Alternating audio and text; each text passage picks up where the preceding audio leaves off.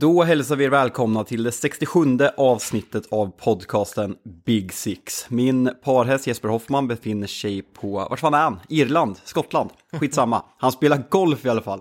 Så jag fick det nobla uppdraget att välja gäst och vem kan man välja? Det är fan första gången jag bjuder in dig när det inte är kaos i Liverpool, Robin Bylund. Hur, hur är läget?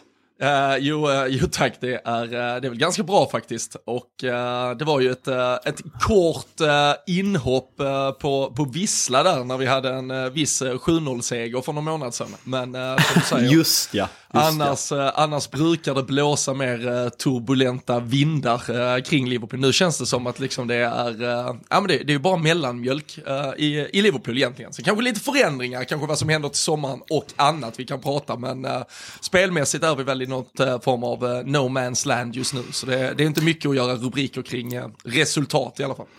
Men är inte det här lite där Liverpool man växte upp med ändå? Så här, jävligt hoppfulla inför säsongen. Det havererar ganska tidigt. Man börjar redan i ja, men november, december prata om nästa säsong. Man får en liten så här tillbakastuds på våren som gör att hoppet är och sen så går man in med en jävla hybris i sommaren och tror att man ska vinna allt och, allt och allting. Det känns lite som att det är Liverpool man växte upp i när, ja, men för 10-15 år sedan. Ja, jag tycker du, du är väl snäll när du säger att man gav upp säsongen i november, december. Det var väl september allt som oftast uh, ungefär. Men, uh, men annars uh, har du ju absolut poänger. Jag, jag minns ju det är fan, tiden går snabbt, men det är väl 10-12 år sedan nu, eh, någon av eh, Dalglish, så här vårsäsongen och han kom in där från inget så här Maxi Rodriguez plötsligt gör så här hattrick i tre raka matcher typ, och man känner, han är ju bäst i världen för fan. Sen inser man att det är mot ett avhängt eh, Fulham och något Birmingham som ändå ska åka ur och Liverpool ändå ska komma sjua, och det, där eh, ligger väl absolut eh, någonting i eh, var vi befinner oss nu, och eh, det sa jag också, jag spelade in ett eh, avsnitt av LFC-podden som jag annars gör regelbundet såklart med min parhäst Daniel Forsell i veckan och då, då sa vi det, det är ju, man vill ju såklart att Liverpool avslutar ja, men positivt. Nu har vi fått tillbaka lite spelare från skada, Diogo Jota börjar göra mål, Luis Diaz är tillbaka, Trent som skolas in kanske i någon ny roll, det kan vi återkomma till. Men det är ju alltid den här faran i att vissa spelare som har varit ganska svaga låt säga, nu såg vi Curtis Jones gör en fin assist och en fin match mot Leeds. Men du kan inte heller bara, på grund av att en spelare nu gör kanske tre, fyra fina matcher i en säsongsavslutning som betyder absolut ingenting. Du får ju inte få upp för hoppet eller börja bedöma deras säsong på de här fyra, fem matcherna som egentligen inte betyder någonting och ta det med sig in i sommaren för det är farligt. Och eh, som du säger, den niten har man gått på för. Vet du en sak, nu skiter vi i Liverpool, vi ska prata mer Liverpool sen. Ska vi, ska vi dra det där jävla plåstret? Jag misstänker, vi har ju ofta bäst lyssnarsiffror här på Big Six när United. Jag tror att vi slog lyssnarrekord efter 07an. Och eh, ja, det är bara att dra det där jävla plåstret. United åkte alltså till Spanien för fjärde gången i år. Eh, tidigare mött eh, Real Sociedad, Barcelona, Betis. Ganska bra resultat överlag. Men man mötte Sevilla igår. Jag hörde att du sjöng en sång i en annan podd eh, i, eh, i lördags. Vill du, vill, vill du sjunga eller vad, vad känner du? Nej, jag, jag har den som ringsignal, väckarklocka, allting. Den är, den är med mig överallt. Men, äh, men jag tycker att vi ska vara större än att se en individuell spelares äh, del i detta haveri. För äh, Ja men för lite som vi sa innan vi, vi tryckte igång här så, så finns det ju någon eh, motsättning kanske då i, eh, i Liverpools respektive Uniteds säsonger här. Vi, vi pratar om ett Liverpool som egentligen har varit jämnusla hela säsongen men som då har en, ja men en 9-0 mot Bournemouth, vi pratar 7-0 mot United, eh, slår till med en 6-1 här, har kunnat ja, men göra ett par sådana här galna insatser åt, åt positiv, eller i positiv bemärkelse. Medan då United har man ju känt under egentligen övergripande del av säsongen har varit på rätt håll, det har sett ganska bra ut, stundtals, det har hänt bra saker, en Casemiro som har kommit in, en Rashford som får nytt eh, flyt liksom och allting. Men där ni då istället, kanske beroende på vad som händer, vi ska prata upp en helg också med fa Cup semifinaler där ni möter Brighton på söndag. Men det finns ju en överhängande risk för er nu att ni kommer från den här säsongen ändå med att det man minns kanske snarare är de stora bottennappen när det väl gällde. Alltså ja, slakten av, eh, eller hur City slaktade ja, resultatmässigt skulle det blivit ännu värre i höstas i det derbyt som spelades där, överkörningen på Anfield, hur ni... Har nu nämnt den fyra gånger på tre, Ja, på men- tre minuter. Och hur ni faktiskt fullständigt, uh, ja men skämmer ut, alltså från att ha kontrollerat allting 45 minuter på Old Trafford, ni borde haft typ 4-0 på Sevilla, så uh, ja, fullständigt havererar allting och det blir ju en uh, överkörning. Visserligen av Europa League-mästarna Sevilla, men uh, ändå, det, det är svagt det ni presterar när det gäller som mest. Ja, Det ser ut som att vi möter Prime Barcelona under Pep 2011 där. Jag tycker att eh, Mikael Krekula som, eh, som medlem i en Manchester United-podd, eh, RAS-podden, han skrev igår på Twitter, min spaning de senaste åren är att få topplag är så dåliga som United när de väl är dåliga. Släpper in enkla mål i grova misstag, kan inte slå enkla passningar och skapa noll framåt. Ikväll är en sådan kväll. Obeskrivligt usla. Och det är väl där man känner i matchen igår mot Sevilla. Alltså, Sevilla parkerar alltså på 13 plats i La Liga. Och fine, de är väl, de bör väl vara bättre än så. Det är samma, man kan, man kan peka på Chelsea som ligger, vad är det, 12, 12 i Premier League och man kan peka på Liverpool som ligger 8 i Premier League. Deras toppnivå är fortfarande bättre och lika så med Sevilla. Men att United, United saknar alltså sitt ordinarie mittbackspar. Jag sa i förra veckans avsnitt att det, det, känns som att folk raljerar lite och överdriver avsaknaden av dem. För vi ska ändå ställa upp med Englands landslagsmittback och Sveriges landslagsmittback. Jag är inte någon av de största fans, men det är ju inte kris för att man ställer upp med Maguire och Lindelöf som har varit mittbackspar. Ja, men de tog United till Europa League-final för, för bara två år sedan, så det är inte, det är inte så att man ska ställa upp med juniorer. Och sen Bruno avstängd på mitten. Rashford på bänken ska sägas som var tillbaka efter skada. Men att det ska vara så här dåligt, och det är som du säger, frustrationen blir ju ännu mer med tanke på de här insatserna du nämner. Vi har även Brentford om det blir 0-4 i omgång 2. Eh, det, det, det är så fascinerande och Ten Hag har ju gjort jävligt mycket med oss supportrar och man kanske har varit blind, man kanske har överdrivit glädjen, men vad fan som supporter måste man ju få glädjas och det är ju att man har vandrat i öknen under en jävligt lång tid som Manchester United-supporter, att man kanske har överdrivit glädjen, men när man ser sådana här insatser så undrar man vad, vad fan är det som sker? Jag ser inte Brighton under De Serbi med ett mycket sämre material på pappret göra sådana här bottennapp. Jag ser inte, jag ser fan inte ens Tottenham som är, vi, vi satte dem i utvisningsbåset förra veckan tillsammans med Chelsea. Jag ser inte, jag ser inte dem göra de här usla insatserna. Inte ens Chelsea som vi har skrattat åt hela jävla säsongen. Det, jag, jag finner fan inga ord för hur dåligt det här är. Och vi Ja, men det- pratar om den här, ja men vi, det, det känns verkligen som att den här säsongen som kunde blivit en succé, en säkrad topp 4 som jag fortfarande tror, en ligacupfinal som redan är säkrad,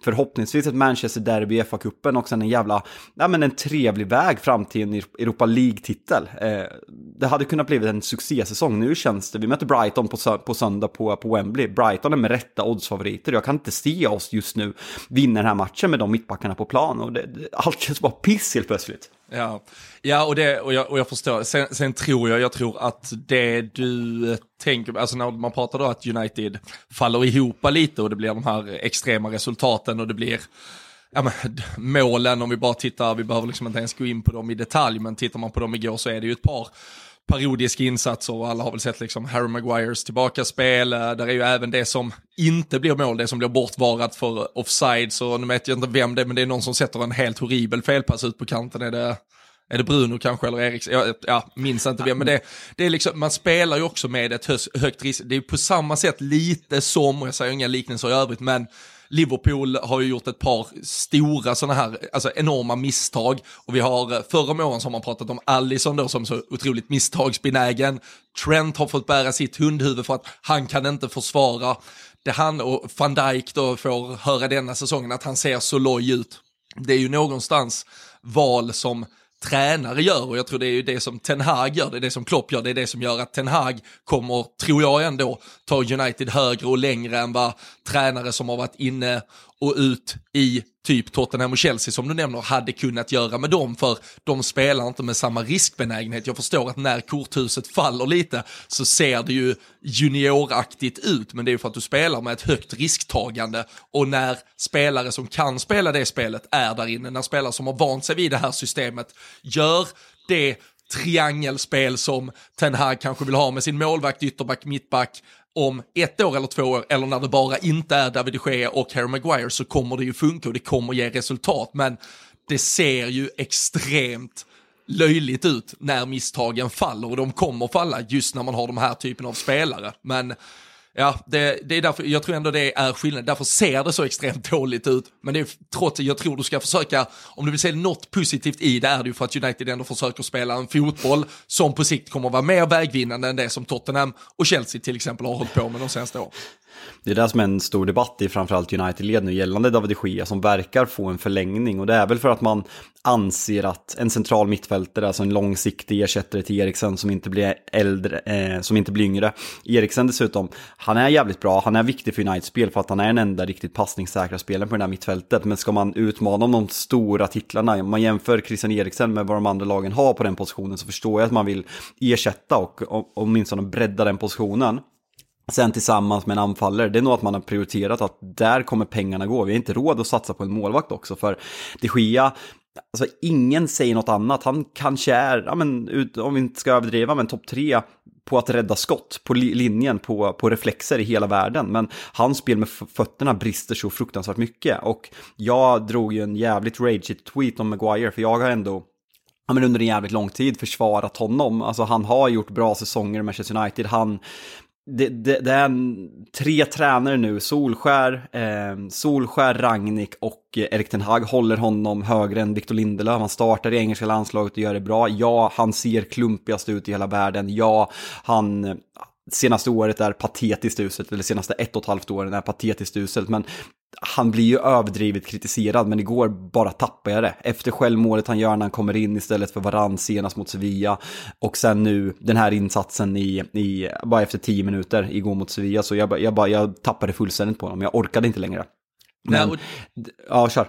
Ja, nej, och det, det jag tänker med, alltså för jag tror alla ser samma saker och där, oavsett var man håller Maguire och, och det lär väl sannoliken variera och det går väl från vecka till vecka i Harry Maguire! Men uh, he drinks the vodka, he drinks a Jäger, his head is fucking massive. Fick väl lite sång också. Men, uh, men det, det, som, det som Ten Hag måste göra, det är ju att alltså, fria, alltså rycka plåstret för att bara skapa lugn i support. Han kanske är bättre än Vigge, han kanske är bättre än jättemånga alternativ du kan få in som tredje, fjärde alternativ bakom Lisandro Varann. Men du kan inte utsätta honom för detta längre. Du kan inte utsätta laget för det. Och i så fall måste du variera ditt, eller då måste du förändra ditt spel varje gång han ska sättas in. Då kan du inte spela på samma sätt när han kommer in, för du kan inte Alltså det, det börjar bli taskigt mot honom också att sätta honom i de här riskfyllda situationerna som han inte hanterar och blir blottad i och får bära det här hunden. För det är inte värdigt er att ha Eh, alltså det är ju någonstans LH-kapten liksom som, som nu, jag menar att, att han... Man, man, man, glömmer, man glömmer bort att han är kapten. Ja, och alltså vi har väl, det, det, är ju inte ens på liknande nivå, men alltså Liverpool-supportrar sitter och förbannar sig lite över att Jordan Henderson kanske inte håller samma nivå som han gjorde för två, tre, fyra år sedan, men ändå startar vecka in och vecka ut. Men det är ju mer att man saknar typ en, en slutprodukt. Det är ju inte att han står och skickar in bollar i eget nät. Och, och där känner jag ändå att Alltså, gör det enkelt Ten Hag och lös detta, för det är inte bra för någon att han är kvar och eh, ändå behöver fylla så pass många minuter som han gör varje säsong. För det, misstagsbenägenheten är ju, alltså ration, vad du får ut positivt kontra negativt och hur det är då det skapar ju nusvalve. Nu, nu istället för att blicka fram mot Brighton på söndag så måste ni ändå hantera en, två dagar när ni sitter och är förbannade över vad Maguire delvis då ställde till med igår. Men gällande Maguire, jag snackade med några polare om det där i en intern chattgrupp, vad heter det? Det, det är synd om honom. Alltså, man, Nej, alltså han, han måste ju må piss. Alltså, kan du komma på på rak arm någon fotbollsspelare i hela vår livstid som har blivit så hånad på sociala medier av motståndande supportrar, av egna supportrar som Harry Maguire har blivit den senaste, nej men utan överdrift 24 månader. Eh, sen efter EM ungefär, det är ju då declinen gick. Så senaste, vad blir det, 20 månaderna Nej, där är han ju överlägsen. Alltså, det, från, från motståndarfans, så, och, det, och det är ju ändå inte på samma nivå, men där kan jag ju bara säga, alltså, Trent blir ju alltid, uh, han, han, blir ju hackkyckling alltid i Liverpools defensiv, men, men skillnaden med Maguire som du säger, det är ju att även era egna fans är ju så jävla trötta på detta. Och det, det jag, jag liknar det väldigt mycket med sista åren vi hade Dejan Lovren vecka in och vecka ut i startelvan. Det, ja, men det var ungefär samma. Och så ändå en självbild av att vara typ bäst i världen. Och det, det lirar inte till slut. Någonstans, någonstans måste man bara bryta det. Och eh, jag tror ni är långt över eh, gränsen där ni borde ha gjort det. Ja, jag känner det också. Nu, jag, som sagt, jag gillar inte, jag brukar kritisera folk som samlar billiga poäng på att kritisera Maguire och ge billiga likes på Twitter. Men nu, nu fick det fan bli ett Maguire-segment Och den, samlade likes. Det var, det var dags. Det ska gudarna veta att tweeten samlar ja, likes också. Ja, kan, kan, ja kan, kan det vara den spelaren som genererar mest likes i hela fotbollsvärlden när man ska samla enkla poäng? Det kan fan vara det. Hade, hade Twitter ens varit värt hälften så mycket när Elon Musk köpte det om det inte vore för Harry Maguire? Tveksamt. Fan, han, kan, han, kan, ja, men han, alltså Benzema vann Ballon d'Or, eh, hästlängder, Messi knallade hem VM-guld till Argentina, men tacka vitt fan om inte Maguire har genererat flest likes på Twitter. Jag tror fan det. Jag vill ha en undersökning på det där. Ja, du får, eh, du får sätta igång något. Ja, vi ska, innan vi släpper United, det är, folk brukar kritisera mig för att vara överdrivet positiv, men nu eh, tror jag att folk njuter att höra om jag är miserabel och eh, hatisk. Men eh, semifinal på Wembley på, på söndag mot Brighton som är jävligt heta. Jag nämnde det tidigare, oddsfavoriter. Har man någon poäng? Har oddsättarna rätt när man sätter Brighton som, som favorit i den här matchen? Ja men det, det tror jag, alltså det är ju ett, det är ett Brighton som uppenbarligen mår väldigt mycket bättre än vad United gör. Och eh, jag tycker, vi ska, vi ska inte stanna och fastna i CV-matchen, men förutom de individuella misstagen så var det någonting med karaktären jag tyckte var eh, lite eh, jobb, jobbigt kring United om jag, om jag ska vara objektiv i sammanhanget. Ni, ni räddas på en millimeter offside typ eh, minuten innan pausvilan och eh, kommer ut sen minuten efter pausvilan ändå och eh, släpper till en, en hörna och är lite svag i duellspelet och ja, det sker, jag vet att han gör kanske vad han kan, det kanske är en bra men, men just det där att så här, man, man räddas lite av marginaler men så släpper man direkt till ändå det, det, är också något jag tycker jag har sett för i lag som inte, ja, det, det är inte bra tecken att ta med sig in i en semifinal. Med, medan då uh, i Brighton-lägret så är ju, det är ju alltså, du vet ju att varenda jävla felstuds kommer ju ändå studsa och landa på Kaomi Mitomas fot eller någonting. Det, det är ju bara den, ja, men det, är bara, det är bara den bussen du har. Och du kommer som lag hamna i sådana två, tre, fyra månaders perioder då och då. Ett lag som Brighton kommer göra det en, två gånger varje tioårsperiod kanske, men nu är de verkligen där och eh, för deras del så så är det ju, ja, jag kan inte minnas när de har varit så här långt framme i alla fall. Och, det är äh, största, största matchen ja, i klubbens karriär om vi får killgissa lite. Ja men exakt, och äh, att, att då känna att det är ett United som kommer skadeskjutet från, från Spanien, dels med den korta vilan, resandet, allt som vi har redan varit inne på som kommer omgärda laget. Lite då med skadesituationen, tvungna och delvis starta väldigt mycket samma spelare och det till och med kanske sett lite värre Nu kommer några tillbaka också, det, det vet vi absolut. Men äh, Brighton måste må väldigt, väldigt bra och jag tror att alla jävla fiskmåsar som tar sig till Wembley har all tro på att de kommer lösa detta.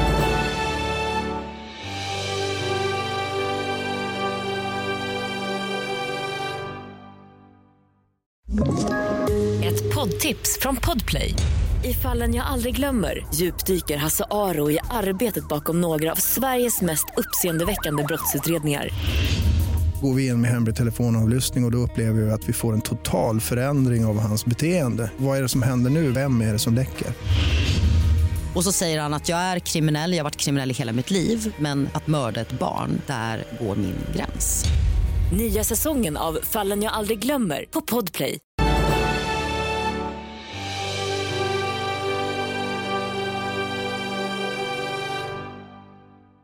Ja, nej, det blir, det blir en intressant match. Eh, ska vi, nej, andra matchen, City, vi ska komma in på Citys kvartsfinal mot Bayern München, men deras, eh, de möter alltså Sheffield United på Wembley. Det blir väl en eh, rejäl rotation inför, eh, inför eh, kommande möte mot Arsenal nästa midweek. Eh, är väl känslan att man kommer knalla hem det där tämligen enkelt.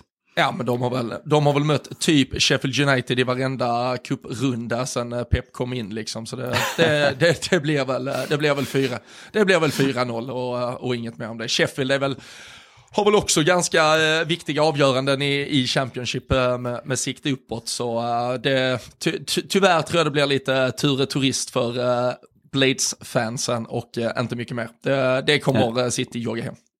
Ändå okej att få, vad fick de, Burnley hemma i kvartsfinal, Sheffield United i semifinal. Det är Nej, bara de- City som lyckas med sånt. Ja, men det, det är helt otroligt. Alltså, jag vet, må, många år man har suttit så har man dragit Chelsea bort och så har de fått Doncaster hemma och så. Det, nej.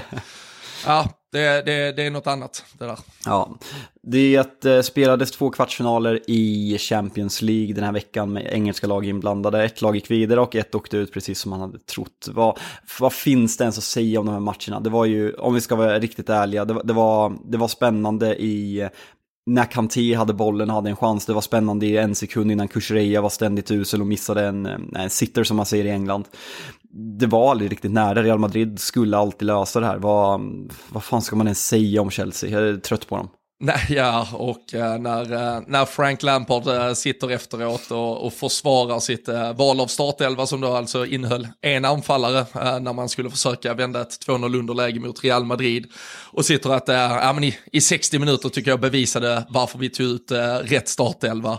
Och vad fan var det, han har ju lett Everton fyra matcher, Chelsea fyra matcher det här året. Han har såklart åtta förluster på åtta matcher och sina senaste 17 matcher tror jag det är, så han alltså en seger och två oavgjorda. Eh, Det är en eh, tränarkarriär som eh, vi så snabbt som möjligt bara ska ja, men, eh, avsluta, begrava och aldrig mer minnas. för det är, eh, det, det, det är hemskt att se. Och eh, han har inget här att göra. Han, han ska inte få vara här. Han ska inte få vara med. Han förtjänar inte att vara på de här platserna. Det finns inget, det finns inget lag, alltså topp, det finns inget topp 10-lag i hela, eller om vi pratar topp 5 som hade ens tagit i Frank Lampard med tång och eh, att han står där på den där jävla Chelsea-bänken. Och jag tyckte man hörde det på eh, Thiago Silvas intervju efteråt, jag vet inte om du har sett den, men där tycker jag att han, han är, alltså han är så hålögd och bara, han undrar vad fan händer i den här klubben. Och eh, alltså den skada Todd Bowley håller på och eh, ställa till med där borta, det är, äh, jag hade varit riktigt jävla orolig om äh, både du och jag är ju i en i en äh, ägarsituation till våra lag där man kanske önskar förändring. Det kanske i alla fall i ett fall snart kommer förändring. Men äh, är det Todd Bowley som hade stått på listan så, så hade man ju tagit allt annat man hade redan och äh, försökt hålla så hårt i det som möjligt. Ja, jag tar fan en nedgången arena, pissig träningsanläggning och skuldbelagda Glazers pengar heller än den där dåren. Eh, gällande, gällande Chelsea, eh, vad skulle, det, det är som du säger, det är en anfallare och det är inte ens några offensiva yttrar. Det är liksom det är en fembackslinje och sen är det fyra centrala mittfältare där Conor Gallagher är mest offensiv och sen så Kai Havertz som inte kan göra mål. Nej, det, det är en chockerande elvan ställer upp med. Och jag kommer ihåg när Ole Gunnar Solskjaer var tränare för United, som alla som har följt mig under ett bra tag vet att jag inte var hans största supporter. Man, man, jag på något sätt har väl känt att Frank Lampard har varit lite missförstådd, att han gjorde det bra i Bright, eh, i, i, i Derby, han gjorde det bra första året i Chelsea, kom in i en dålig period, han fick sparken, Everton var liksom, han klarade att hålla sig kvar, vad han varit anställd för. Sen i år, han hade en Englands mest misskötta klubb i, to- i, to- i toppligan, så han, det var inget tacksamt uppdrag, men man börjar väl landa i, jag drog alltid det här exemplet som med Ole Gunnar Solskjaer, om du kollar allsvenskan, alltså jag är hellre, jag är hellre Kim och Tolle eller Henrik Rydström, så jag är fan nästan hellre Glenn Riddersholm som tränare än Frank Lampard just nu. Är inte det känslan? Skulle, skulle, vem tror du Malmö hade valt? Frank Lampard eller Henrik Rydström? Aj, herregud, Rydström, alla dagar alltså där, där, finns Ja. ju, där finns ju tankar, alltså det är, eh, han, har- han har ju inga idéer kring hur han vill spela fotboll och han, han tror fortfarande att det här med, eh, ja, vad- var det han sa första dagen han kom in där, liksom typ, eh, jag säger Chelsea ligger 11, där ska vi inte ligga. Alltså det, det, är, nej. men det är den, det, det är den retoriken, alltså det är gå ut och Ja men gå, gå ut och kämpa lite grabbar, för fan. Vi, visa hjärta. Men det där- och det är ju men nej- bra, men men, det, inte- det funkar inte längre. Det är en svunnen tid. Det, det går, och jag, och där, jag, ska, jag ska inte säga att du, du har fel i att han inte gjorde bra saker i Derby, men det vi ska komma det som han lyckades med lite på grund av sitt namn och sin koppling till Chelsea var ju att han lyckades låna in fantastiska spelare. En Mason Mount som stod, och där så här, vad är hönan, vad är ägget? Det är klart att Frank Lampard hade en del i att Mason Mount utvecklades, men det var också en supertalang som kom till ett Derby och fick excellera.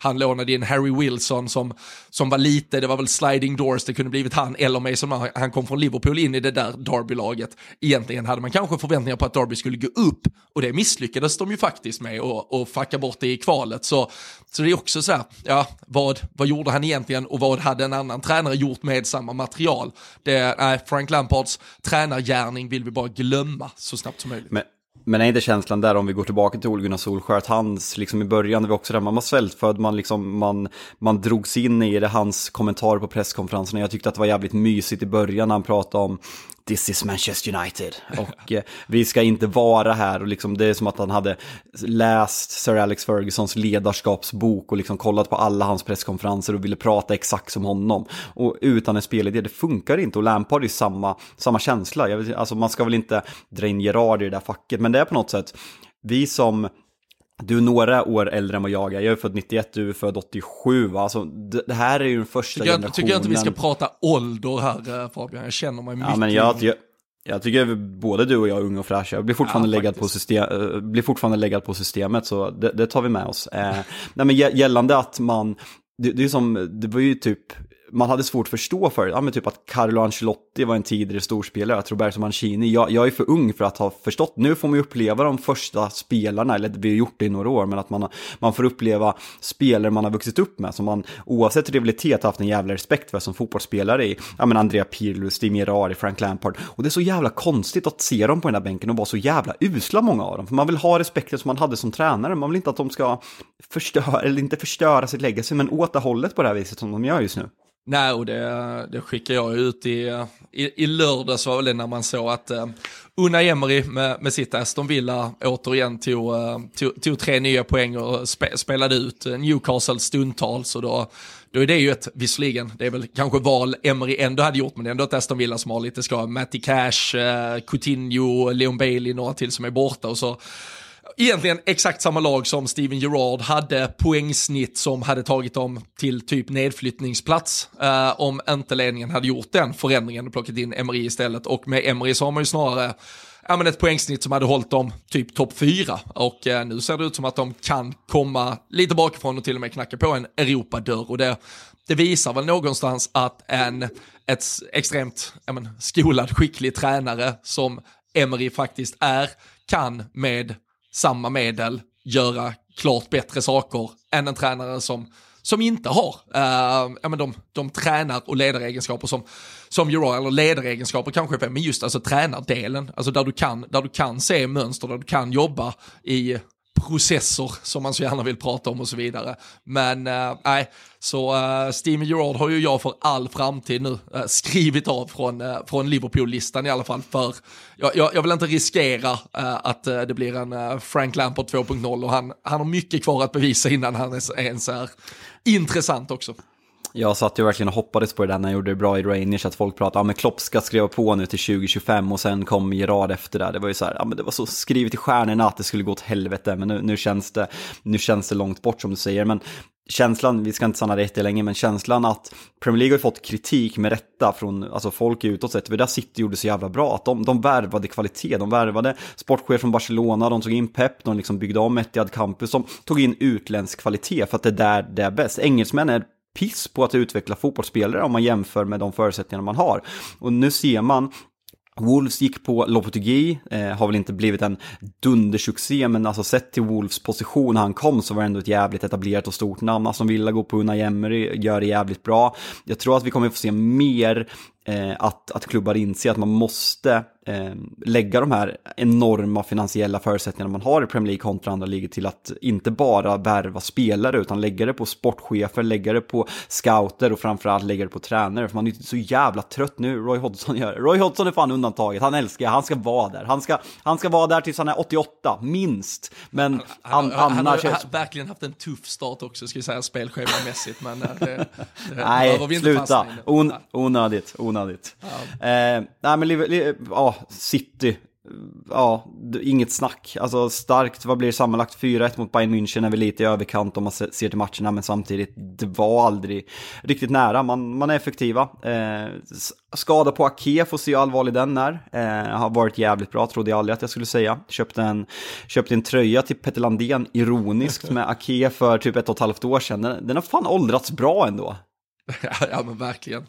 Nej men där, uh, nej, men jag, jag tycker City uh, har, har ganska bra, lite, de får väl lite hjälp också av att uh, Bayern München stundtals ser lite så här juniormässig ut i sista tredjedelen. Många spelare som ville göra en sak för mycket hela tiden i, i första halvlek. Det är ju ändå ja, men tre, fyra gånger kanske. Man gör väldigt mycket rätt fram till straffområde där man eh, mm. kommer i fart, både Sané, Coman och liksom, man, man öser på rätt bra. Men väldigt många gånger när det öppnar sig första läget så vill man vända tillbaka, hitta ett bättre läge. Men eh, där var ju City väldigt, väldigt bra på att ja, men, komma tillbaka i försvarsställning och ofta när väl Musiala eller vem det var tittade upp för att sen lägga sitt avslut så var det ju sju, åtta spelare, City-spelare på, på rätt sida boll istället. Så det äh, Bayern, äh, den, den, den, fart de ändå hade för att komma upp till straffområde lyckades de ju inte äh, ja, men förvalta och äh, då blev det ganska lätt för City att hinna ikapp. Och, och, och sätta upp köttmuren igen. Uh, sen, uh, sen, fick man väl en minuts känsla av uh, mänsklighet i City och Håland när han bränner straffen. Men sen, sen var man tillbaka ganska snabbt i soffan och fick bara sjunka ner och inse att de har ett jävla monster där framme och då, då är det svårt att se vad som kommer att stoppa dem. förutom Real Madrids historia. Ja, exakt. Jag tycker det var fascinerande om det är Goretzka som går fram och pekar på straffpunkten flera gånger, att han inte får varningar. För de har ju varit hårda med att dom, äh, målvakter ska inte få göra som Emi Martinez gjorde i VM, då ska man ju bli varnad direkt om man försöker psyka. Men det där var en ny nivå, det är fint att se att Haaland blir, blir påverkad. Eh, gällande, ja, säger de, Bayern, lite... för jag bara, ja, ja, ja, men gällande Bayern Münchens valpighet, alltså de har ju gjort en bra säsong under Nagelsmann, intåget av Tuchel har ju liksom, ja men man kan skratta åt det, jag tror att det kommer bli bra långsiktigt, men man ser ju sånt här dubbelmöte mot, ja men enligt mig världens bästa fotbollslag, Manchester City, hur mycket man saknar en Robert Lewandowski-typ. Det, det är det som, det är det som skiljer med Lewandowski i den här matchen. Man har några chanser innan City gör 1-0 på ett men Lewandowski där så kan den här matchen få en helt annan utgång. Ja, ja herregud ja. Eh, de, eh, de lägen man har i första halvlek, om det är Lewandowski så är det nog både, det kan både vara ett och två som, eh, som sitter i nättaket där istället. Så det, där, det, är ju klart när, när, när, när hoppet är ner till eh, Choupo-Moting istället som, som väl typ inte är en snudde Det handlar ju snarare väldigt mycket om de andra tre offensiva där bakom. Och eh, Sadio Mané som eh, sen kommer in, men han har ju inte alls fått den utväxling som Bayern München eh, hoppades på. Det, det är väl en, en annan podd att diskutera om Liverpool gjorde rätt eller fel. Det var ju mycket snack i höstas om hur fel Liverpool gjorde att eh, släppa Sadio Mané. Det, det, vet jag inte om vi ska tycka och tänka nu, men, uh, ja, men det där med Goretzka bara, jag tror han får ju lite oväntad hjälp och, och, det kan man väl då tycka också är helt fel, men från, uh, det är ju verkligen klacken i ja, men Bayern-led som står bakom det målet och till slut är det ju någon som faktiskt också kastar in någonting. Så det är ju något skit som verkligen ligger där, så Goretzka kommer ju undan med att det är det han går fram och tar bort typ. Han vill vara snäll. Han, vill ja, vara han är lite gentleman i det, och det är ju efter han har fått en tydlig tillsägning att nu håller du dig borta. Då står Håland verkligen beredd och ska lägga den, men då går han fram och tar bort lite skit framför också. Så det, och, och då liksom domaren är så här glada, och vad snällt att du gjorde detta, men det är såklart att det var det sista, sista som behövdes för att uh, knäcka det norska psyket till slut. Ty tysk jävla furbo när den är som bäst. Absolut. Liverpool då, placerar på åttonde plats, fick jag det sagt. Eh, nio poäng upp till Champions League Newcastle. Är det helt kört med tanke på schemat som är? Uh, nu är det helt kört. Det uh, hade behövts uh, ta, ta, ta ett par segrar här längs vägen som har, som har lyst med sin frånvaro. Gör man sitt första mål på bortaplan mot ett botten 10-lag den 17 april så så når man inte Champions League. Uh, det, det, är liksom bara så här, note to self uh, för framtiden. Gör, gör fler mål mot skitlag tidigare på säsongen så, uh, så kommer det gå bättre. Nej, det, det, det är kört. och kanske inte bara nio, alltså, jag har inte ens synat Newcastles spelschema. Kanske att Liverpool skulle teoretiskt kunna ta ikapp nio på Newcastle, men då, då är det Tottenham och där är Brighton och där är andra lag. Det, det handlar helt enkelt om att det är det är för många lag framför, uh, inte bara poängen. Så vi glömmer allt som har med Champions League att göra. Uh, och uh, vi, vi återkommer i 37 ifall uh, hoppet lever, men det tror jag absolut inte. Nej. Om vi skiter i den här säsongen då, jag tycker att man har ältat Liverpools säsong så jävla mycket. Det finns väl inte jättemycket mer att säga, men om vi, om vi blickar lite framåt då, det är om vi, om vi bara kort om du får dra ägarsituationen, det är lite oklart där. Först kom det ut ja, men innan Manchester United presenterades att, nej, men att man var öppna för en full sale. Sen kom det ut rapporter att man snarare sökte investerare. Vad, vad är det senaste där? Vill FSG sitta kvar men ta in pengar från investerare? För det, United, det skrivs ju liksom som en såpopera varje dag medan Liverpool känns det jävligt tyst om. Vad, vad sker där? Ja, och det, det är väl exakt antagligen så FSG vill ha det skulle jag tro. Uh, för som du säger, det har ju inte varit lika tydlig kommunikation för, uh, eller från FSG sida eller Liverpools sida som, som jag i alla fall utifrån uppfattar att det har varit kring eh, United-situationen, utan uh, du, du redogjorde ganska tydligt kring att eh, först ryktades det om ett uh, full scale eh, försäljning, sen investerare och sedan egentligen ett, ett halvår av tystnad sedan dess. Så, eh, så just nu eh, är det väl inget som, som tyder på att det händer något större. Skulle det vara något så pratar vi nog 10, 15, 20 procents minoritetsandelar som, som eventuellt kan Eh, öppnas upp för. Men eh, jag tror inte man ska sitta och räkna med eh, några större förändringar som plötsligt antingen dels ja, tar in helt nya ägare eller investeringar som gör att Liverpool ja, men sätter, sätter sig på någon, någon annan plats på den ekonomiska fotbollskartan. Utan vi, vi har nog samma förutsättningar när vi går in i både den här sommaren och nästa säsong som vi har haft de senaste åren. Känner man sig orolig över det? För alltså kollar man på sommarens fönster och januarivärvningen av Kodjo Gakpo, alltså det är ändå ganska rejält spenderat. Kanske inte om man jämför med de allra mesta med United och eh, även City långsiktigt och eh, kanske framförallt Chelsea. Men det är ändå snudd på miljarden för Darwin, det är en 400-500 för Gakpo, det har ändå värvats. Är man orolig om det inte kommer in investerat? Vad, för det, det är en rejäl utrensning som behöver göras. Du har själv skrivit, det är många som ska bort. Milner ska bort om man ska spela, om man ska förlänga så ska han inte spela någonting i stort sett. Chamberlain ska bort, Curtis Jones har väl ingen framtid i klubben långsiktigt kan jag tycka.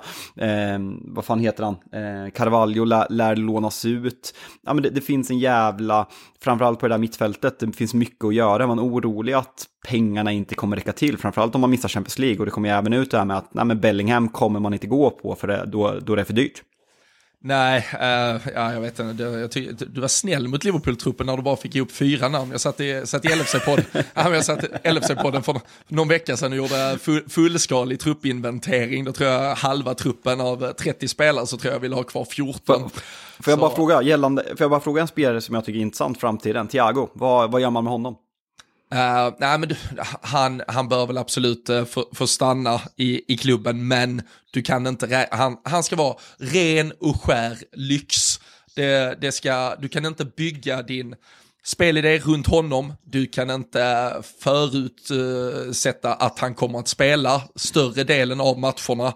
Han kommer antagligen spela färre och färre matcher varje säsong och han får vara en uh, ja, men, alltså, lite spe specialbricka i spelet som du kan mm. addera och uh, ha i viss typ av match och som ren lyx när möjligheten ges. Men det går inte längre att, att lita på att han är ja, men, fysiskt, fysiskt kapabel till att spela tillräckligt mycket. Så uh, jag, jag, tycker absolut ändå i den situation som råder och med ja, ännu fler namn till den listan som du redan har dratt upp så, så kan vi inte kosta på oss att uh, försöka skifta ut honom också. Nu har det pratats lite Barcelona-återkomst och annat där men uh, ja, jag tror ändå att vi, att vi behåller honom. Fin, finns ju inget Barcelona älskar som att lägga på någon gammal åldring på ett uh, dyrt kontrakt ändå som de sen inte kan registrera. Så då, de kommer väl vara där. Gundogan och Thiago in, gåshud. Ja, ja, fy fan vad fint. Men, men om vi, äh, ja, nej, men, om, vi, om, Ja, nej, men om vi pratar mittfältet eh, och fokuserar där. Eh, alltså det, vad har det snackats mest om Caicedo från, från, från Brighton, även McAllister? Va, vad anser du behövs? Ska man jag har ju sagt att jag tycker att Fabinho måste få en chans till, för jag har ju hållit honom jävligt högt och en dålig säsong. Man kan inte investera de pengarna i ett, i ett ankare för att Fabinho har gjort den här säsongen. Det, det, det känns som att det finns behov någon annanstans. Vad, vad, vad, söker du för spelare? Vad är det för spelartyp du söker på det där mittfältet? Jag, jag tycker att Gini Wijnaldum är den spelartypen som saknas så fruktansvärt mycket i Liverpool just nu. Ja, nej, men så är det ju absolut och äh, där, äh, där tycker jag ju att äh, jag, jag, jag satt väl i, i, i så av vinterfönstret och pratade om, hade jag fått dröm, drömplocka tre spelare så var det Guardiol till, till backlinjen. Jag tycker det behövs en, en tredje mittback. Jag tycker vi har lite liknande situation som er när äh, Konate van Dijk inte spelar så är det plötsligt ett rejält hopp ner och sen så var det ju Caicedo och Bellingham jag pratade om som mittfältsalternativen jag ville in och jag fattar också att det, det kostar väldigt väldigt mycket pengar. Sen eh, har jag ju svårt för den här i alla fall ekonomiska aspekten av att man missar Champions League och hur mycket det dras växlar på det. För det här är alltså ett Liverpool som när vi vinner Champions League 2019, då värvar vi Adrian och eh, Sepp van den Bergen, eh, då 16-årig mittback från typ Svolle. Så eh, det är ju inte så att Liverpool har och det är ju därför också vi står i situationen vi gör. Det är inte så, precis som du också nämner, vi, vi värvade förra sommaren, vi värvade i vintras. Och problemet är ju inte att vi inte har värvat då de senaste 12 månaderna, utan det är ju att vi inte har löpande under 4-5 säsonger förändrat, förstärkt, förnyat, utan att vi då står här. Så var vi än är hierarkiskt just nu så, så måste planen ha varit att det var denna sommar man skulle göra den stora förändringen och då hoppas jag att FSK har lagt pengar i den jävla skattkistan så att man är beredd att göra det.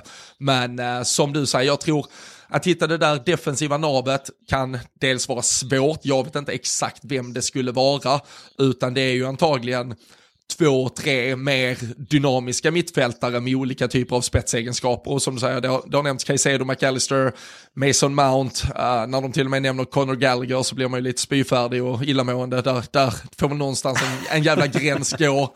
Um, och sen, sen tycker jag ju att en mittback hade varit eh, jätteviktig att få in också. Men uh, alltså, nya drömfönstret då, om vi nu inte kan gå på uh, Bellingham får väl vara McAllister, Caicedo och uh, Guardiol istället. Brighton är nya Southampton alltså. Ja, och det gick. Vi byggde ett Champions League-vinnande lag av Southamptons gamla, gamla stjärnor, så det ska vi väl kunna göra av ett nytt sydkustgäng också. Verkligen. Måste bara innan vi lämnar Liverpool, vad, vad, vad, känner du med Trents nya position? Alltså många har ju pratat om att han har det i sig. Jag är inne på att man kan ta bort, alltså Trent är jävligt bra där, men att man kan ta bort en av Liverpools största USP när, när Trent kommer runt med sin högerfot på kanten. Kan, kan man få ut lika mycket av det på centralt mittfält, att han kan stå och slå de där bollarna istället? Ja men det är väl där uh, skillnaden, alltså jag såg direkt han då gör, vad, vad, vad har han gjort nu? Typ uh, eh, 100 40 minuter kanske i den här rollen. Där han flyttades väl fram typ under matchen mot Arsenal och sen ja. gör, gör han det mot Leeds och, och, så skriver folk, åh vi ska inte, nu behöver vi inte värva en mittfältare, nu ska vi värva en högerback. alltså hela, hela grejen med att vara inverterad högerback, om vi nu ska prata, det är ju att han fortfarande är högerback. Alltså vi ska inte värva en ny höger, han ska fortfarande vara det. Han ska inte flyttas fysiskt till mittfältet. Han ska ju få komma upp i den ytan, men han ska ju inte stå som mittfältare på pappret. Det, tycker, det vill jag vara väldigt tydlig med. Sen är det ju väldigt kul när folk helt oironiskt skriver på Twitter, det här har jag alltid sagt att Trent hade funkat på mig. Åh fan, det har ju inte varenda jävel sagt i eh, typ två, tre år. Och när man ser hur Pep Guardiola kan skola om eh, John Stones till en inverterad ytter, eller, ja, ytterback. Som, Fan vad bra han är. Ja, han är ju helt otrolig, men, men då, man känner också, och det, det satt jag också i lite andra sammanhang och pratade om för några veckor alltså man vet ju, hade Trent, alltså för som sagt, du kan kritisera Trent för att ha lite brister defensivt och så vidare, men det är ju Alltså det är ju någonstans en kalkylerad risk som alla lag som spelar med Trent tar. Men alltså herregud, hade du gett Pep Guardiola chansen att få Trent Alexander-Arnold in i sitt lag, han hade älskat att ha honom i det laget och få sätta in honom på det inom mittfältet när chanser ges. Så äh, jag tror att Trent kan excellera i den här rollen och hoppas, och jag är mest förvånad att det har dröjt så jävla länge innan Klopp har, jag vet inte om han inte har fattat hur det funkar med inverterad ytterback, men äh, nu, äh, nu är väl tiden kommen och, men ändå, han ska ju fortsätta Eh, och där ser du ju, mot Arsenal, eh, då kommer han ju trots allt i den yttre korridoren, går förbi Sinchenko, tunneln som sen blir ett inlägg och mål. Eh, vi har hur han genombrottslöper, använder armbågen lite snyggt för att ta med sig bollen mot Leeds, serverar till ett mål och sen har han en där han står i mittcirkeln och serverar, så han har egentligen varit i om man säger, alla de från mittersta till den yttersta högra kanalen och gjort assist på de här drygt 150 minuterna också. Så han är ju eh, allround på den eh, sidan och ska ju få får egentligen spela i en fri roll på hela jävla högerkanten.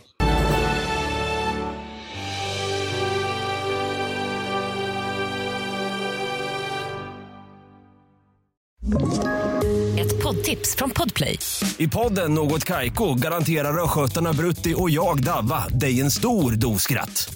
Där följer jag pladask för köttätandet igen. Man är lite som en jävla vampyr. Man har fått lite blodsmak och då måste man ha mer. Udda spaningar, fängslande anekdoter och en och annan arg rant.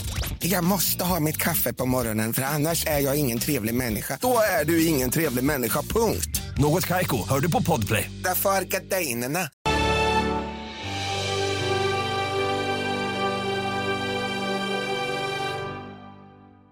Ja, nej, vi har faktiskt lite breaking news här, eh, som alltid är uppskattat när man, när man sitter och poddar. Vi satte dem i utvisningsbåset förra veckan, men nu eh, får de komma ut igen, för det här behöver diskuteras lite i alla fall.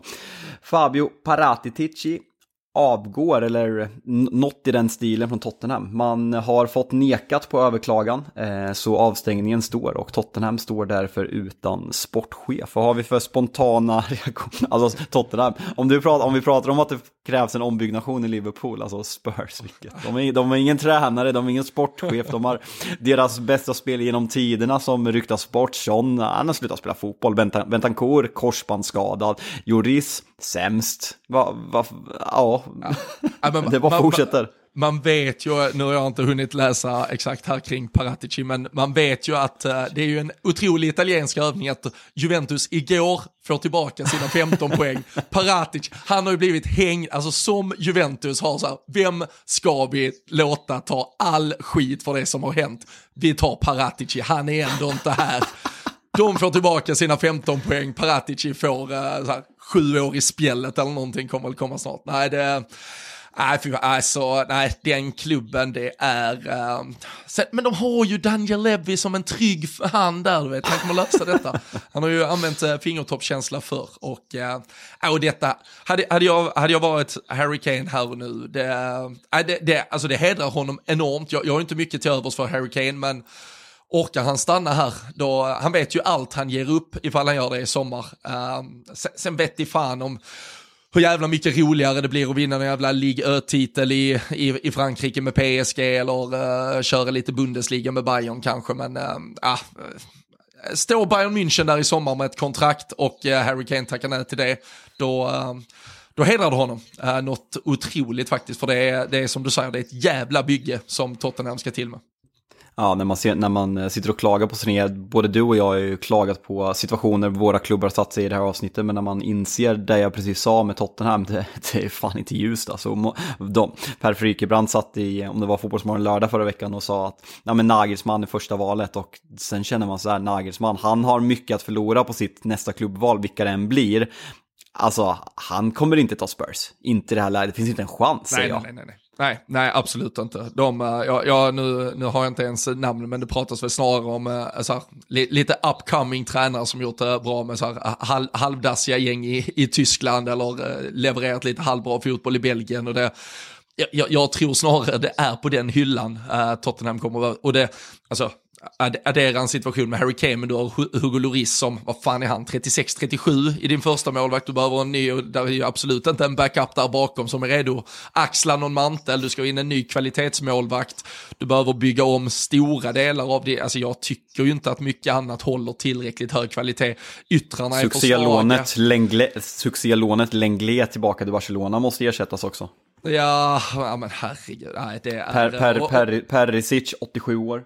Ja, ja men verkligen. Uh, Emerson Royal, bra, en match per säsong typ. Uh, Höjbjerg, alltså vi kan prata om att de har förtjänster, men det, ju, det saknas ju alldeles för mycket kreativitet på det inom mittfältet också. Om, om du tycker att Christian Eriksen inte är up, up there, uh, alltså kreativiteten som Spurs vill försöka få in där. Det, det är ju, de är ju jättemånga steg bakom uh, toppnivåer och uh, tycker man Harry Maguire är en svag engelsk landslagsman så Eric Dyer, uh, hold my beer, så, så är det ju, nej det är mycket som inte mycket som inte stämmer där och ja, ny sportchef, ny tränare, en utrensning av spelare. Son har väl också med all tydlighet visat den här säsongen att högsta nivån antagligen är förbi och eh, svårt att se en spelare i den åldern där, där just snabbhet och de delarna har varit så mycket USP tidigare att det ska komma tillbaka helt plötsligt är också svårt att säga. Om man inte kan omskola honom lite i någon ny typ av roll så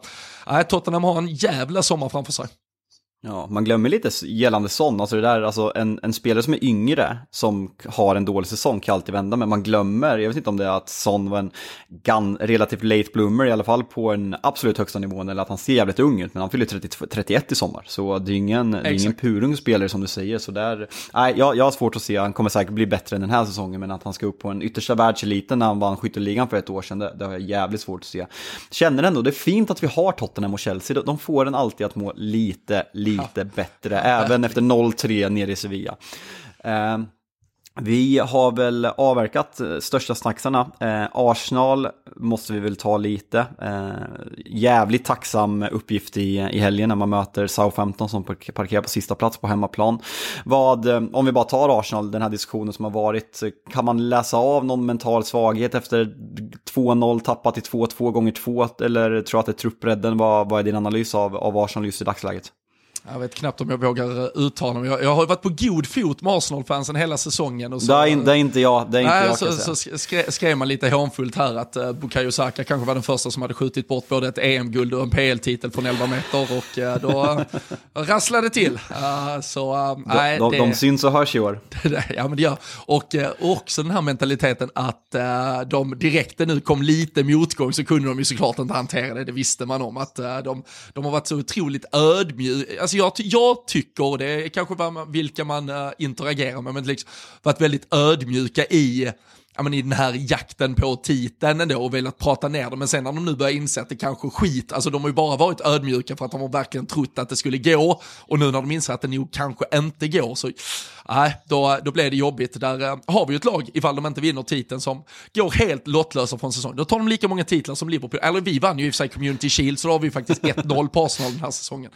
Men eh, nej, alltså ikväll ska det ju bli, eh, ikväll måste de i alla fall bara visa att de sätter allting rätt inför avslutningen och då ska det ju vara 4-0 hemma mot Sotton. Liksom. Det, det ska vara totalkross och, och deras enda lilla chans är ju sen att de tar med sig allt det självförtroendet Eh, och, eh, och gör en insats mot City. Eh, de har ju trots allt och det vet jag inte om det är bra eller dåligt, för det kanske förändrar lite deras syn på matchen och matchbilden som vi sen får se att poäng mot City ger ju ändå Arsenal en bra chans inför avslut. Alltså det, det, är ju den absolut bästa möjlighet de någonsin skulle kunna föreställa sig att ens få. Så, så det är klart att säsongen lever, men jag har ju en känsla av att City som kan gå på halvfart i helgen i FA-cupen, de behövde inte ta ut, sig, ta ut sig mot Bayern heller. De kommer ju på onsdag i nästa vecka att, eh, uh, jag, jag tror de kommer visa mot Arsenal vilka som är bäst. Ja, det blir en jävligt intressant match och det är ju som sagt jättetydlig favorit på, på City den matchen nu. Eh, och jag tycker att folk, jag hade, det var ingen diskussion, men det var någon som reagerade på vår eh, rubriksättning i förra avsnittet där det var, vi hade en, en debatt eller en diskussion om Arsenal, om man kan prata om att de är mentalt svaga. Och jag tycker att man måste kunna se en skillnad på jag, jag är liksom den första att skriva under på att Arsenals säsong sett i förväntningar är 5 plus. Även om man inte vinner, jag förstår att det kommer bli en jävla besvikelse. Man hade tagit det innan, men sett till förväntningarna så är säsongen 5 plus oavsett. Sen måste man ju fortfarande kunna ha en diskussion, framförallt med förra säsongen i färskt minne, när man missar Champions, man, man har liksom allt i egna händer, man är upp mot, mot Spurs liksom head to head, man åker till Spurs och man, man tok torskar och sen så torskar man i stort sett alla sista matcher. Och det, det är samma lag, det är samma spelare som i år även har satt sig i den här positionen, att man har varit helt fenomenala och nu har man declinat lite. Det är en skada på William Saliba som har påverkat absolut, men man måste såklart kunna prata om att den mental ovana för den här truppen kontra Manchester City när man ser en sådan tydlig ja, men, ändring i prestationer och framförallt i väldigt utsatta lägen som de senaste matcherna. Alltså tappa 2-0 mot Liverpool i andra halvlek när Liverpool är så jävla bra som man är i den halvleken, det säger ingenting om. När, när man gör det två, två matcher i rad mot ett uselt West Ham när man är fullständigt överlägsen i första halvlek, då tycker jag ändå att man måste kunna prata om den där mentala styrkan utan att på något sätt förringa vad man har gjort den här säsongen. Låt mig vara väldigt tydlig med det.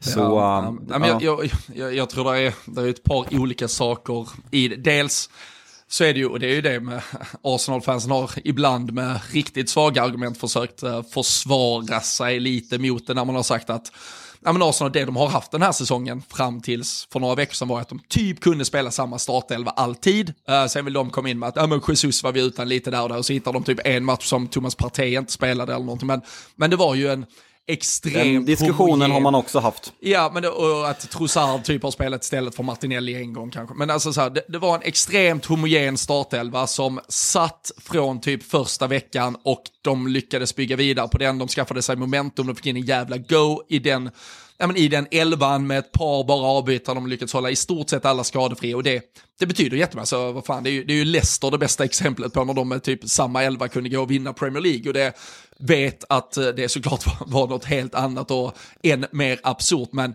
men det är alltid så, kan du hålla din elva helt intakt, och du, du, du bygger någonting där. Och sen, så förutom att det kanske kan vara lite mentalt tufft att gå in då i den här avslutningen, man har inte varit där för många av spelarna, sen Sen är det också bara en ny verklighet och det, alltså, det är tyvärr för att City har ritat om den här, alltså City, eller eh, Arsenal taktar fortfarande mot en säsong som kommer ta dem över 90 poäng ifall de håller samma poängsnitt in här nu. Och det är ju trots att de har tappat några poäng. Men, och förr, och jag såg någon som skrev det på Twitter, att vi måste komma ihåg, vi, eh, Uh, om det inte vore, eller det här Arsenal-laget, det var en Arsenal-supporter då, det här Arsenal-laget är antagligen bättre än vårt Invincible-lag. Uh, det enda som går emot oss nu det är att vi är uppe mot uh, liksom ett ekonomiskt dopat City som har fuskat i 20 år. Typ. Och så är jag bara, ja men välkomna till klubben. Alltså vi har tagit 93 poäng, 97 poäng.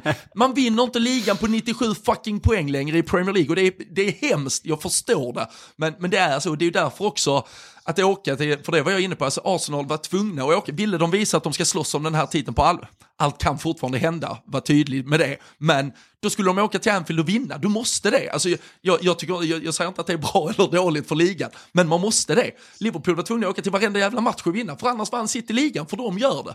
Och det är, alltså det, det är piss att vara upp mot City. Och nu får Arsenal känna på det, för de kommer antagligen komma runt 90, men det kommer inte räcka, för City tar 93 eller 94 och så vinner de skiten.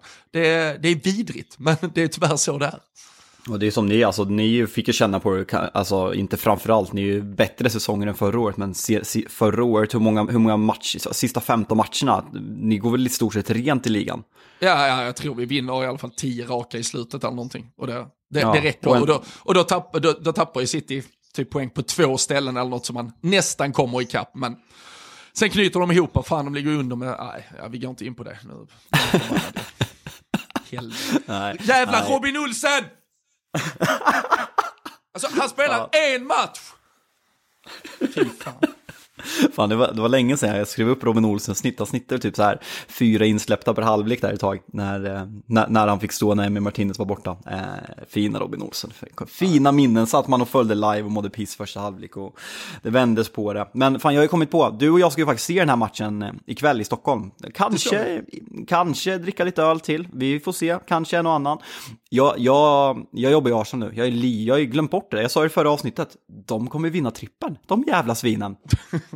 Nej men alltså jag, jag har inte ens tänkt tanken, men de kommer ju vinna trippen. Vilka, City kommer vinna trippen? Ja. Ja, ja. Ja, så blir det. Och då, då är inte ja. ni ens historiska längre. Det är ju piss. Nej, då, vad, vad, har vi, vad har vi då? Jo, vi har haft en egen produkt i varje matchtrupp sedan 36 eller vad fan det är. Det är typ det vi har. Och mesta, mesta, mesta inhemska mästarna ska såklart inte förringas. Ja, ja men det, det där med trupp, truppbygget det kommer Ten Hag snart slarva bort ska du se. Han, eh, han bommar, ja. bommar och registrerar någon junis och så får de inte ihop det längre. Men, ja, fan, det, är ju, det är upp till er att stoppa det, ni får ju ta FA-cupen i alla fall. Nej, fan, jag, jag, kommer, jag, ska, jag kommer gnugga Real Madrid i så uh, riktigt tung oddsfavorit på City och de, de ska väl absolut vara favoriter. Men uh, det var väl nästan 75-25 typ. Det vet inte fan om jag skriver under på. De avslutar visserligen Nej. hemma, men Etihad är ju ingen, det är ingen borg. Det är ju, det är ju inte ett kokande det... Anfield direkt. Fick du det sagt också. Nej men alltså jag, jag hörde också det, 1.36 sitter ju att gå vidare och just med, alltså jag vet inte hur mycket man ska dra. Jag tycker ändå att man kan, jag hörde Fabian Ahlstrand säga så här att det var en myt med Peps fails i Champions League och han hänvisar på att han tre raka semifinaler, eh, eh, varav en final, annars är kvartsfinal i de flesta. Men jag hävdar ju fortfarande att sen eh, 2011 när Pep senast vann, eh, vann Champions League med Barcelona, vinner alltså 09 och 11 med Barcelona. Sen dess har ju Pep på pappret haft kanske det bästa laget och varit oddsfavorit. Kanske PSG var det förra året, men tre år i Bayern München och nu om det är sex, sju år i Manchester City har han varit oddsfavorit och vinna Champions League. Och jag vet, det är en kupp och jag är allergisk mot vissa som är så här att det laget som vinner Champions League är bäst i världen. Nej, Real Madrid var inte världens bästa lag förra året. Man var direkt utspelade i fyra matcher i slutspelet. Sen, det är en mental styrka att vinna där, det har jag jätterespekt för. Det sitter i väggarna och det sitter i liksom de där vita tröjorna i Champions League-kvällarna. Samma sak med med Liverpool när man kliver ut i den där hymnen. Det sitter någonting, men att säga att bara för att man vinner en kupp att man är världens bästa lag. Det är jag på något sätt allergisk mot. Men jag tycker ändå att man måste prata om med tanke på vilka sjuka matcher som City upplevt. Vi har matchen offside och handsituationen när Tottenham slår ut dem i kvartsfinal när de ska möta er i, i final senare. Vi har dubbelmötet mot Monaco om det är något år innan. Vi har choken sista minuten mot Real Madrid förra året. Vi har ja, men överanalyseringen när han väljer att spela utan Fernandinho och Rodri i finalen mot Chelsea för första gången på hela säsongen, att ingen av dem spelar. Jag tycker ändå att det finns ju fog för att prata om att Pep har gått bort sig i väldigt avgörande matcher i just den här turneringen. Ja, och eh, att argumentera för att eh, nej, men eh, han har ju gjort det hur bra som helst, han har ändå tagit sig till semifinal som du säger, med tanke på hur stor oddsfavorit de, de ofta är, att, att inte vara topp fyra, det hade ju varit, alltså, då hade det ju varit direkt katastrofala siffror. Så det är ju det, är ju det du ändå bedöms på, att, alltså, förutsättningarna för att egentligen gå hela vägen kontra att man inte gör det. Och som du säger, det är ju också ofta sättet, det är ju det är att det har varit någon tanke för mycket. Och eh, nu får vi väl se om det, det, det, det, det behövdes ju aldrig riktigt eh, mot, eh, mot Bayern eftersom det var så tydligt redan från första mötet hur eh, City tog tag i det där och då behövde de inte, men mot Real, uh, börjar borta istället, kan mycket väl komma dit med någon tanke om hur de ska spela på något speciellt sätt och, uh, och för Real så handlar det om att få ett resultat direkt på hemmaplan. Uh, gärna en 2-0-seger kanske, eller två målsseger för att ha med sig och, och kan Real sen ligga och spela på rulle på Etihad så, så såg vi ju hur bra de kan vara på det, eller vi har gjort det väldigt många gånger. Så det, jag vet inte, det, det, det, jag, jag tycker i alla fall att det är mycket jämnare än vad marknaden än så länge säger. Så får vi väl se om verkligen. det förändras. Verkligen. Det blir jävla matcher nu. Alltså man glömmer, glömmer nästan bort på onsdag har vi alltså City och Arsenal och sen veckan efter det har vi de här dubbelmötena i semifinalen mellan eh, Real Madrid och Manchester City. Det är, ett, eh, det är kul att kolla på fotboll om man ska försöka låta någorlunda, fan, Ja, i och för sig, vi ska spela fa Cup semifinal, det är ju jättetrevligt, men efter går känns det bara allt menlöst, det är pissigt. Men vi får glädjas åt att det är bra matcher som inte inkluderar våra lag. Annars i helgen då, jävligt tråkig omgång om vi ska vara helt ärliga. Några krismöten i botten, Newcastle-Tottenham är väl det som sticker ut, men vad fan, alltså det kittlar inte till i pungen så jävla mycket. Nej, jag, jag tar ju jättegärna 0-0 där och uh, ett par, par skador i varje lag kanske. Det är, väl, det, det, är väl det enda som skulle ge lite hopp. Men man vet ju att vi kommer skita ner oss efter en 6-1 på Leeds så, så tar vi ju Nottingham på hemmaplan.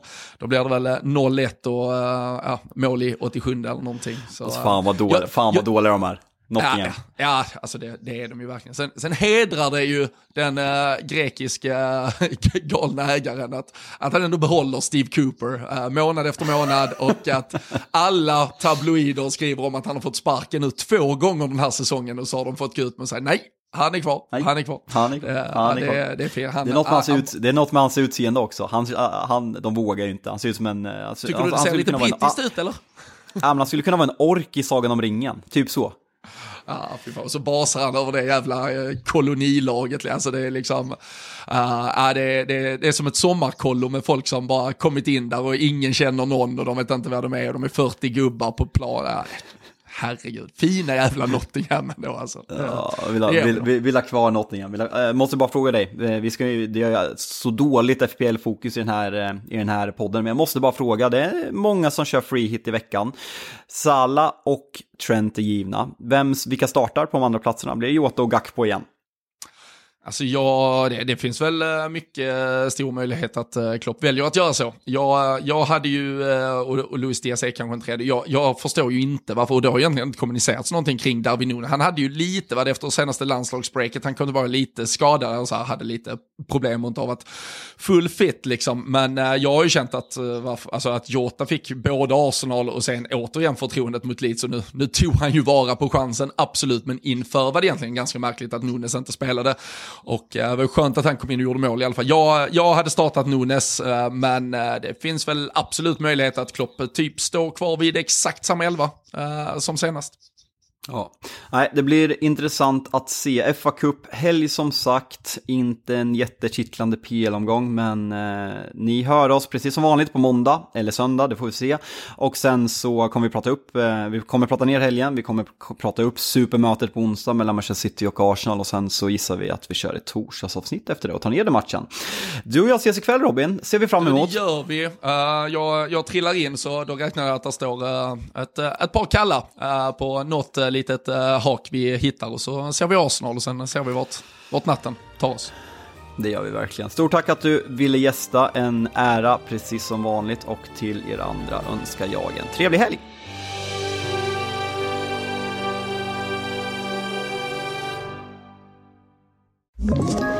Ett poddtips från Podplay. I fallen jag aldrig glömmer djupdyker Hasse Aro i arbetet bakom några av Sveriges mest uppseendeväckande brottsutredningar går vi in med hemlig telefonavlyssning och, och då upplever vi att vi får en total förändring av hans beteende. Vad är det som händer nu? Vem är det som läcker? Och så säger han att jag är kriminell, jag har varit kriminell i hela mitt liv men att mörda ett barn, där går min gräns.